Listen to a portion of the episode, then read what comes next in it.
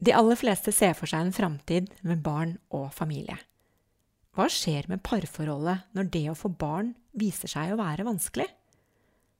Og hvordan oppleves forholdet til venner og familie som stadig minner deg på at du bør vel få barn snart? Og hva gjør en voksen kvinne når livet må defineres på nytt fordi ingenting ble slik hun hadde planlagt og håpet? Dette kan du lese mer om i boken Barnløs Boken kan bestilles i bokhandelen. Du kan kjøpe den portofritt på barnløs.no. Og hvis du sender meg en e-post, så kan jeg skrive en hilsen til deg i boken. Da sender du til boken barnlos i ett ord at gmail.com.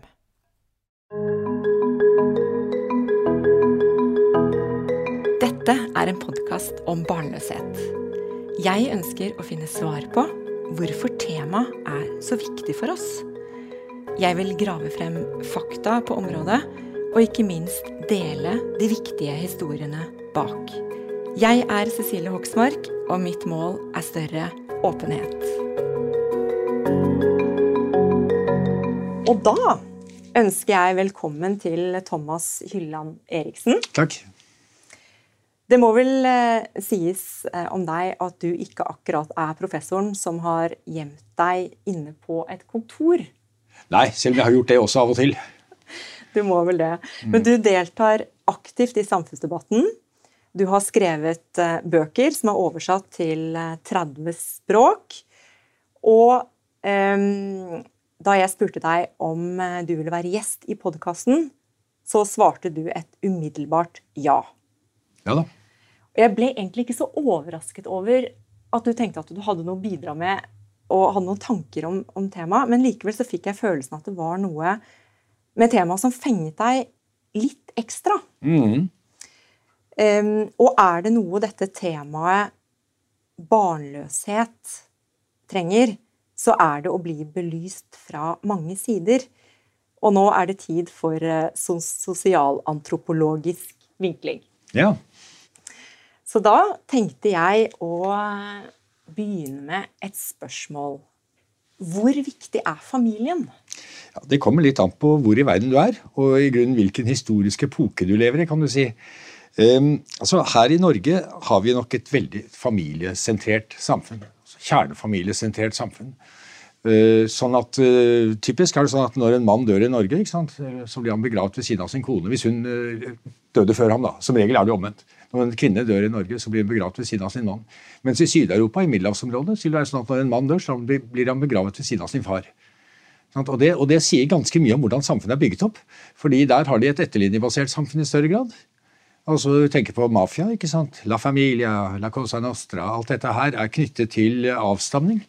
Eh, folk som da nedstammer fra samme bestefar eller oldefar osv. gjennom en agnatisk linje, altså gjennom farslinjen, eh, de har noe spesielt. Og Så kommer disse kvinnene inn, og de har ikke noe annet valg enn å være inngiftet. Mens i Norge er det viktigste båndet, det viktigste sosiale båndet i vårt samfunn, er eh, ekteskapsbåndet. Altså mellom mann og kvinne.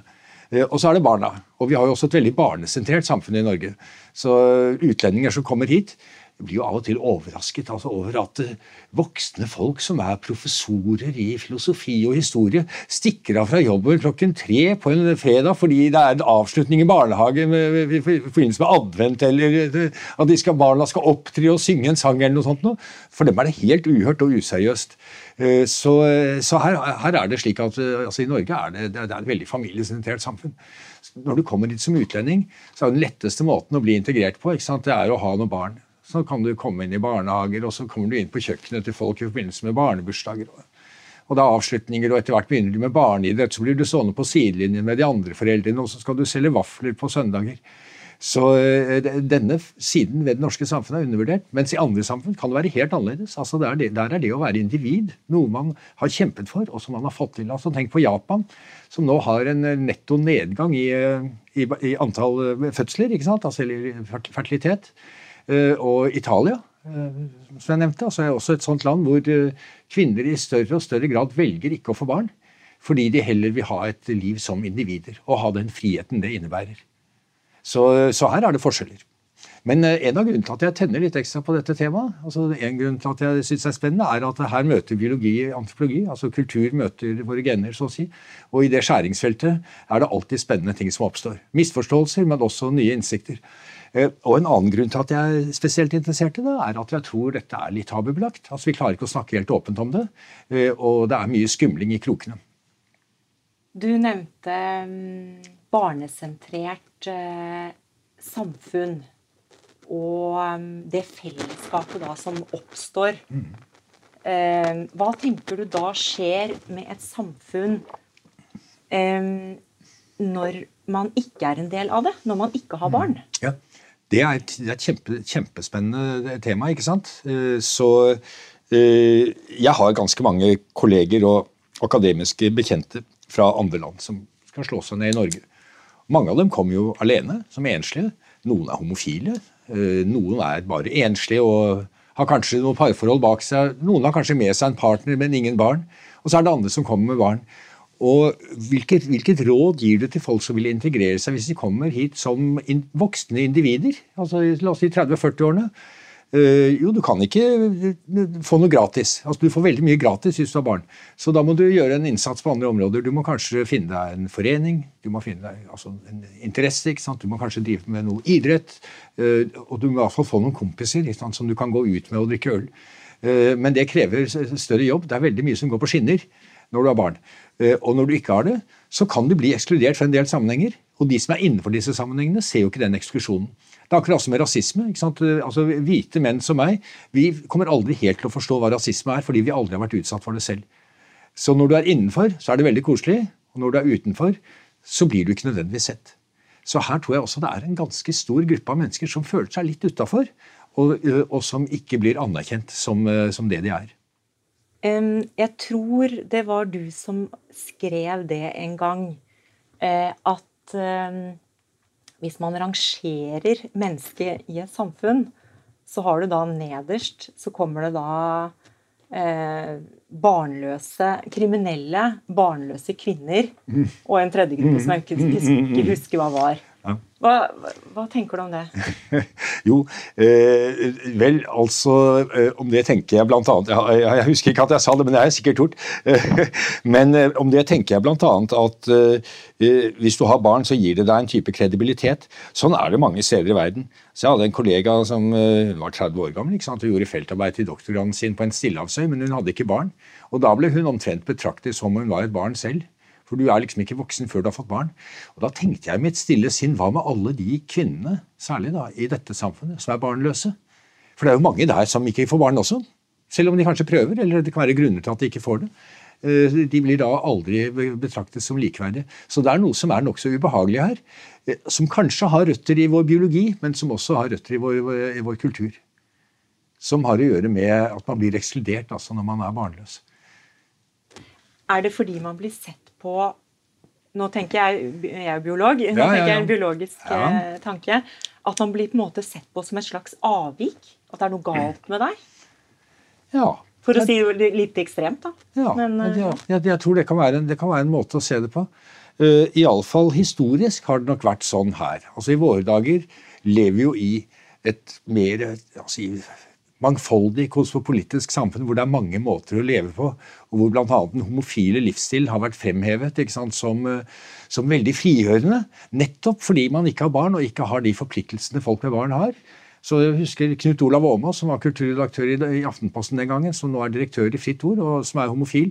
Han skrev veldig fint om dette her for en del år siden, om hvordan man da kan Du kan gå på kunstutstillinger, du kan gå på teater, ikke sant? du kan gå ut om kveldene. Du har en fleksibilitet som du mangler hvis du har familieforpliktelser som fyller hele fritiden din. Og dette er jo noe som også, siden jeg nevnte utenlandske kolleger, så mange utenlandske kolleger de stusser over det.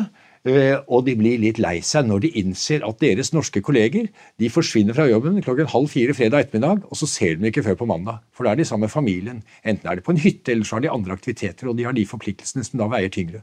Og så blir kanskje utlendingene sittende alene på hotellrommet, da. Fordi det ikke er noen som tar seg av dem. Så eh, som sagt, et, et veldig familiesentrert samfunn, og hvor man bare ser det er en tendens at vi bare ser fordelene, og at vi glorifiserer eh, kjernefamilielivet uten å se på alternativene, som kan være like gode. I et mer tradisjonelt samfunn Og hva legger du i det? Jo, da legger jeg før altså jeg sier at Det er et meget godt spørsmål. vet du. Og Vi snakker jo ofte om ja, i gamle dager uten å si når det var. I fremtiden da kommer vi til å ha flyvende biler. Ja, Når er fremtiden? Er det til neste år, eller er det om 100 år? Nei, det hadde jeg ikke tenkt på. Så det er et meget godt spørsmål. Eh, eh, når, hva, hva, er et tradisjonelt samfunn? Nei, tradisjonelt samfunn så mener jeg vel i hovedsak altså hele den store sekkebetegnelsen av samfunn som ikke er industrialiserte. Altså ikke-industrialiserte samfunn. Og I vårt tilfelle så er det jo da mest nærliggende å tenke på bondesamfunnet, som jo også var et fiskersamfunn og et sjømannssamfunn. Altså Vi lever, vi lever jo stort sett langs kysten i dette landet, selv om vi har lært gjennom nasjonalromantikken at vi egentlig er bønder fra Gudbrandsdalen alle sammen. Så er, er, ikke det sant. vet du. Så Min far var fra Tromsø, og, og jeg vokste selv opp på Nøtterøy, så, så for meg er det kysten som er Norge. Men nok om det. Ehm, I det tradisjonelle samfunn så var jo familien et arbeidsfellesskap, et produksjonsfellesskap.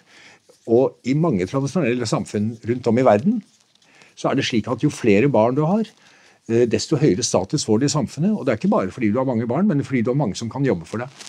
Sånn at Hvis du har fem barn da, som er eh, over seks år, sånn at du kan sende dem ut på markedet og, og, og, dyrke cassava og, og vanjok og, og søtpoteter, så kan du selv drive med andre ting. Da trenger du kanskje ikke engang å jobbe selv. Så kan du selv lene deg tilbake og tenne snadda og, og se på barna og konene som jobber. Og da har du høy status. Eh, Så det er en ressurs? Ja, det er en ressurs. ja. Det er akkurat det. Det er arbeidskraft. Eh, og det er en, eh, en, selvfølgelig en pensjonsforsikring. Fordi barn har forpliktelse til å ta seg av sine foreldre når de blir gamle.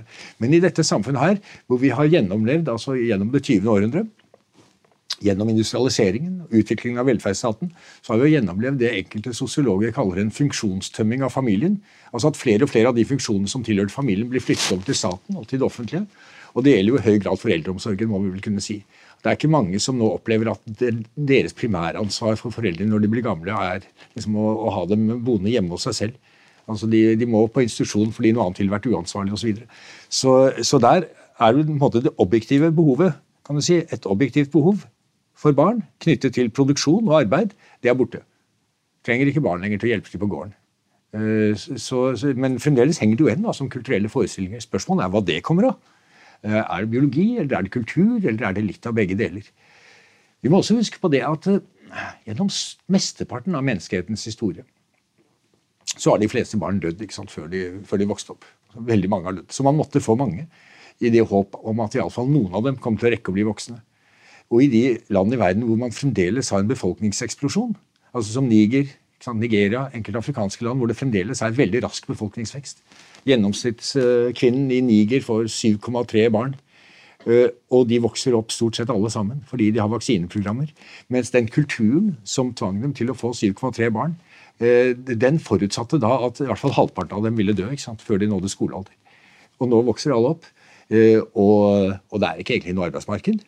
Uh, og spørsmålet er hva, alle sammen, hva de skal drive med. Så det å få mange barn er jo ikke nødvendigvis en løsning på verdens problemer. Iallfall ikke i en sånn overopphetet uh, situasjon som vi er i nå, med 7,5 milliarder mennesker and counting. ikke sant? Uh, og Det er også et perspektiv jeg syns vi skal ta inn når det gjelder barnløshet. At barnløshet kan faktisk være en dyd i en, i en verden som er på mange måter litt overfylt.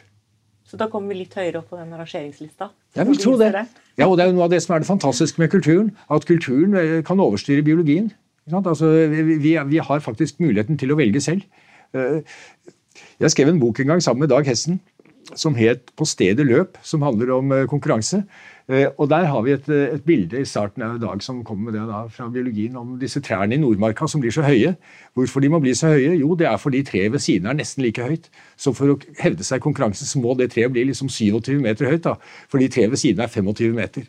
Og så sier jeg, da, som kommer fra kulturforskningen, ja, hvorfor kan ikke disse trærne liksom bare komme sammen da, og ha et møte og bestemme seg for at fra og med neste år så skal vi bare bli 4-5 meter? Og så Svaret er jo veldig enkelt. Trær er ikke i stand til å gjøre det, men det er vi mennesker. Vi kan velge selv, vi kan bestemme selv, og vi former vår egen kulturs verdier. Også når den kan gå på tvers av det man tenker på som våre nedarvede biologiske instinkter. Det jeg har lyst til å spørre deg om, er jo om eh, hvilket eh, samfunn du da synes er eh, best. Om det er mm. vårt eh, med fokus på barn, eller mm. om det er det eh, andre som kanskje er litt mer eh, det søreuropeiske, mm. eller mellom europeiske mm. samfunnet? Mm. Ja, Uh, nei, hva som, hva som, er best, det, det er ikke lett. Og du vet, altså, uh, Som antropolog kan jeg ikke si noe om det, fordi vi er jo egentlig ikke et normativt fag. altså Vi prøver bare å finne ut hva som foregår. Så vi, vi er jo egentlig et nysgjerrighetsdrevet fag, og ikke et bekymringsdrevet. Men jeg vil personlig mene at det beste samfunnet er jo det som gir store valgmuligheter, altså som har stor fleksibilitet. Altså hvor det er mulig å passe inn for veldig mange forskjellige typer mennesker som ikke påtvinger homogenitet. Og som ikke, også, fordi De samfunn som påtvinger homogenitet, de scorer veldig høyt på indre solidaritet. Alle marsjerer i takt, og alle har like i huet og ler av de samme vitsene. Men det scorer veldig dårlig på altså, inkludering av folk som kommer utenfra, og som er litt annerledes, og som befinner seg i utkanten. Så det er både inkluderende og ekskluderende på samme tid. Så jeg ville da foretrekke et samfunn som er litt løsere i fisken, hvor det er mange veier inn, og hvor det er mange måter å realisere det gode liv på. For noen er det gode liv. Det er, eh, det er det som vi sier, altså, hva er det for Villa, Volvo, Voff, Vov. ikke sant? Altså, de fire v-er. For noen er det dørgende kjedelig. Fordi du er stuck, og du kommer ingen vei. Og, og, du vet at når du får et Jeg tenkte jo på det, jeg fikk sønnen ikke sant, for 22 år siden. at Vel, eh, nå har jeg fått en sønn, og det er ikke bare noe jeg har fått nå. Han, han han pleid å ha i 20 år. Og nå er han 22, og jeg har han jo fremdeles. så det er noe, du, du, mener du dømmer deg på en måte selv til en bestemt type tilværelse for, for resten av livet eh, når du får barn. Um, og det må man kunne si er på godt og vondt ut fra tanker om individuell selvrealisering. Og vi har ikke lenger noen plikt til å få mange barn. Det er det som er poenget. Det er mange nok av oss. Da det står et sted i Det gamle testamentet, er det vel at nå skal dere ut i verden og, og bli med, å fylle verden altså Jeg husker ikke helt formuleringen, men jeg tror at hvis Gud hadde hatt muligheten nå til å revidere, lage en revidert utgave av Det gamle testamentet, ville han formulert seg litt annerledes. For det er, det er, ikke det som er utfordringen nå. Det er ikke å fylle verden med mennesker. Det er heller å kanskje bli litt færre og kjøle ned saker og ting. Og det da å uh, skulle gjøre barnløshet til et problem, blir litt bakvendt. I en verden hvor det allerede er såpass mange. Så er spørsmålet Jeg er sikker på at du vil, jeg har ventet på at du kom til å stille. Ja, men hva med, ja, men hva med våre nedarvede instinkter og behov? da, Om spredning av våre gener? Er ikke det et veldig grunnleggende altså, du, du, tenker sånn, gjør du ikke det? Jo. Um, så absolutt. Jeg um, har jo tenkt selv at behovet for barn nok ikke er et instinkt uh, som vi har. Nei. Jeg tenker at det er veldig kulturelt. Mm. Ja. ja. Jeg tror det, altså jeg tror det, er, det er to, to liksom, takes på dette her, hvis vi tar utgangspunkt i evolusjonsteori.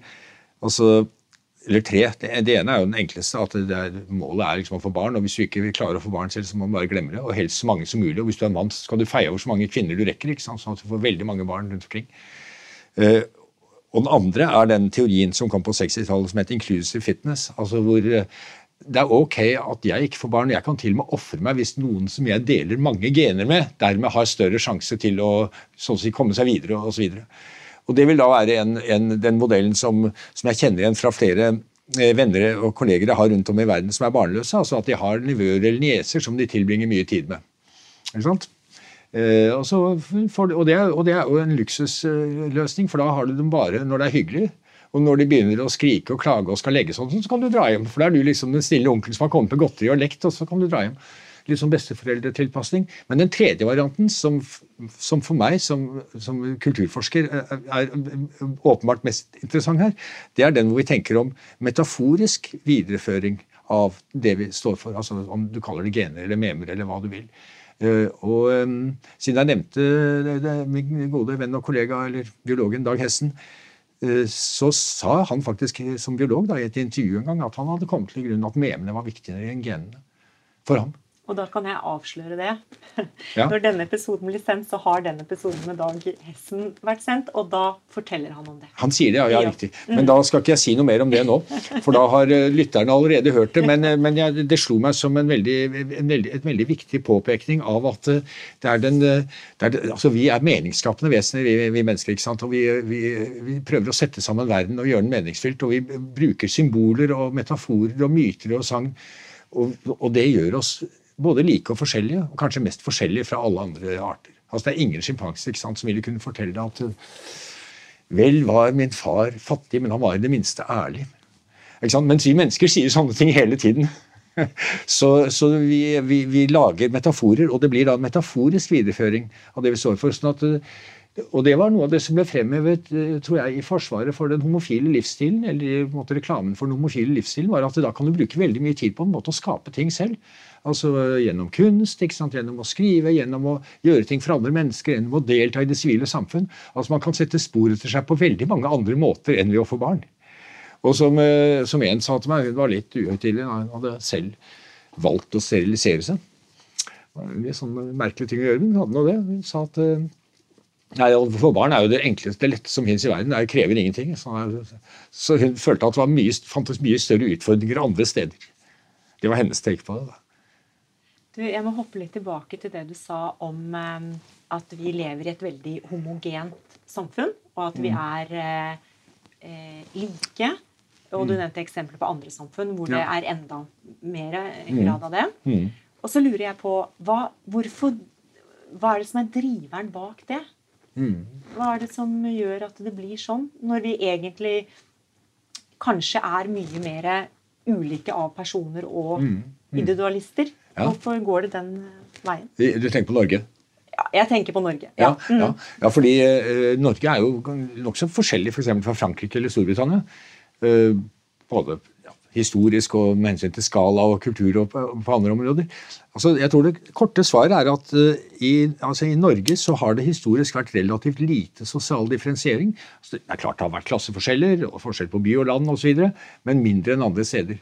Og, det, og, og, og, når vi tenker på Norge som sted, så er det liksom den metaforiske slektsgården. Altså, altså det er et eller annet der tilknytningen til bondesamfunnet uh, og den familiedrevne gården, uh, og opplevelsen av å tilhøre en stor familie. Altså det at familiemetaforer veldig ofte blir brukt når man snakker om nasjonen.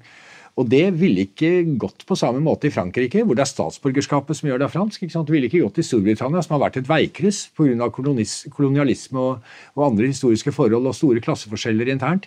Og, og, og de samfunnene som er mer komplekse, mer differensierte, større skala, de gir også større rom for variasjon. Men vi skal jo ikke overdrive homogeniteten i Norge heller. Og jeg vil minne om at altså, Nesten hele den tidlig moderne norske litteraturen handler jo om folk som rømmer fra bygda. og Noen av dem drar til Leipzig, noen drar til København, men ganske mange drar til Kristiania også. Og endelig kan de liksom puste ut og være seg selv og realisere seg som individer. For i Kristiania er det ikke den samme sosiale kontrollen som i den bygda de kom fra. Handler dette om eh, at vi levde i et eh, fattigere land? Eh, større velferd mm. ute. Er det det ja, som eh, Det handler om eh, at vi var fattigere. Det var det jo. Eh, det, var ikke, det, ble ikke produsert så stort overskudd. Så føydalismen fikk liksom aldri ordentlig fotfeste i Norge. For det var rett og slett ikke nok overskudd i, i landbruk og andre næringer til å produsere slott og, og private hærer, sånn som det var f.eks. i Tyskland og Frankrike. Men det handler også om skala og nettverk. altså At det er korte avstander. Og det er korte sosiale avstander. Altså det er sånn, eh, en sånn lek som enkelte driver med, som er dette med six degrees of separation. Tanken om at alle mennesker i verden er forbundet med alle andre mennesker gjennom maks seks ledd. Eh, det kan diskuteres om det er tilfellet. Jeg tror det er blitt færre ledd etter at vi fikk smarttelefoner. Okay? Eh, og alle er på Facebook eller tilsvarende. Men i Norge så det ganske, det er det ganske få ledd, selv i dag, som forbinder hver og en av oss f.eks. med statsministeren eller med kongefamilien. Altså, Hvor mange ledd er det mellom meg og kongefamilien? Jo, det er ett jeg kan komme på, for jeg kjenner jo noen da som kjenner dem veldig godt. Hvor mange ledd er det mellom meg og statsministeren? Jeg har ikke telt etter, men jeg vil tro at jeg vil klare å komme ganske langt med et par ledd. Uh, og sånn vil det ikke være i et land som Storbritannia. Altså En arbeidsløs tidligere gruvearbeider i Doncaster. ikke sant? Det er, det er, et osean som skiller ham fra statsministeren. Men den variasjonen den gir også eh, rom for nisjer som ikke er like lett å, å skape i land som er veldig tett integrert. Så, så der er nok Norge mer av en, en slektsgård og en familie enn f.eks. Storbritannia eller Frankrike. Men det skjer ting her også. det er det som er poenget. Gjennom moderniseringen, gjennom urbanisering, og ved at vi nå får litt sånn storbyfakter i, i Oslo, så, så, gir det også plass til flere måter å leve på. Så da vil det være annerledes om 50 år? Ja. 100 år? Ja, nei, Jeg tror det forandrer seg mens vi sitter her og snakker omtrent. ja. Og, og, når det gjelder måte, de, det, det, konkrete er altså med enten det er frivillig eller ufrivillig barnløshet, og enten det, det, skyldes at man ikke kan få barn eller ikke vil få barn, eller at man rett og slett la oss si, er homofile, og derfor ja, Mange homofile får jo faktisk barn, men altså forskjellige grunner ikke ønsker å få barn.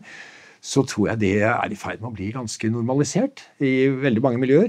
Men at det kanskje, uten at jeg har forsket på det, men er bare når jeg slenger ut, så får folk bli sure hvis de vil, eh, at det kanskje er en forskjell på by og land.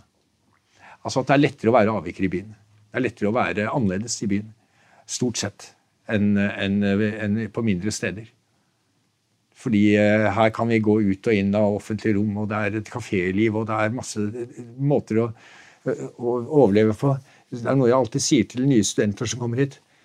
Mange av dem kommer jo fra mindre steder, og så kommer de til Oslo for å studere. At uh, her vil du kunne finne noen som deler dine interesser. Altså Mange av dem de som kommer hit, er jo til antropologi, de er nerder du, fra sitt hjemsted. De har kanskje ikke hatt så mange å snakke med som har delt deres lidenskap for Amazonas-indianere eller what have you.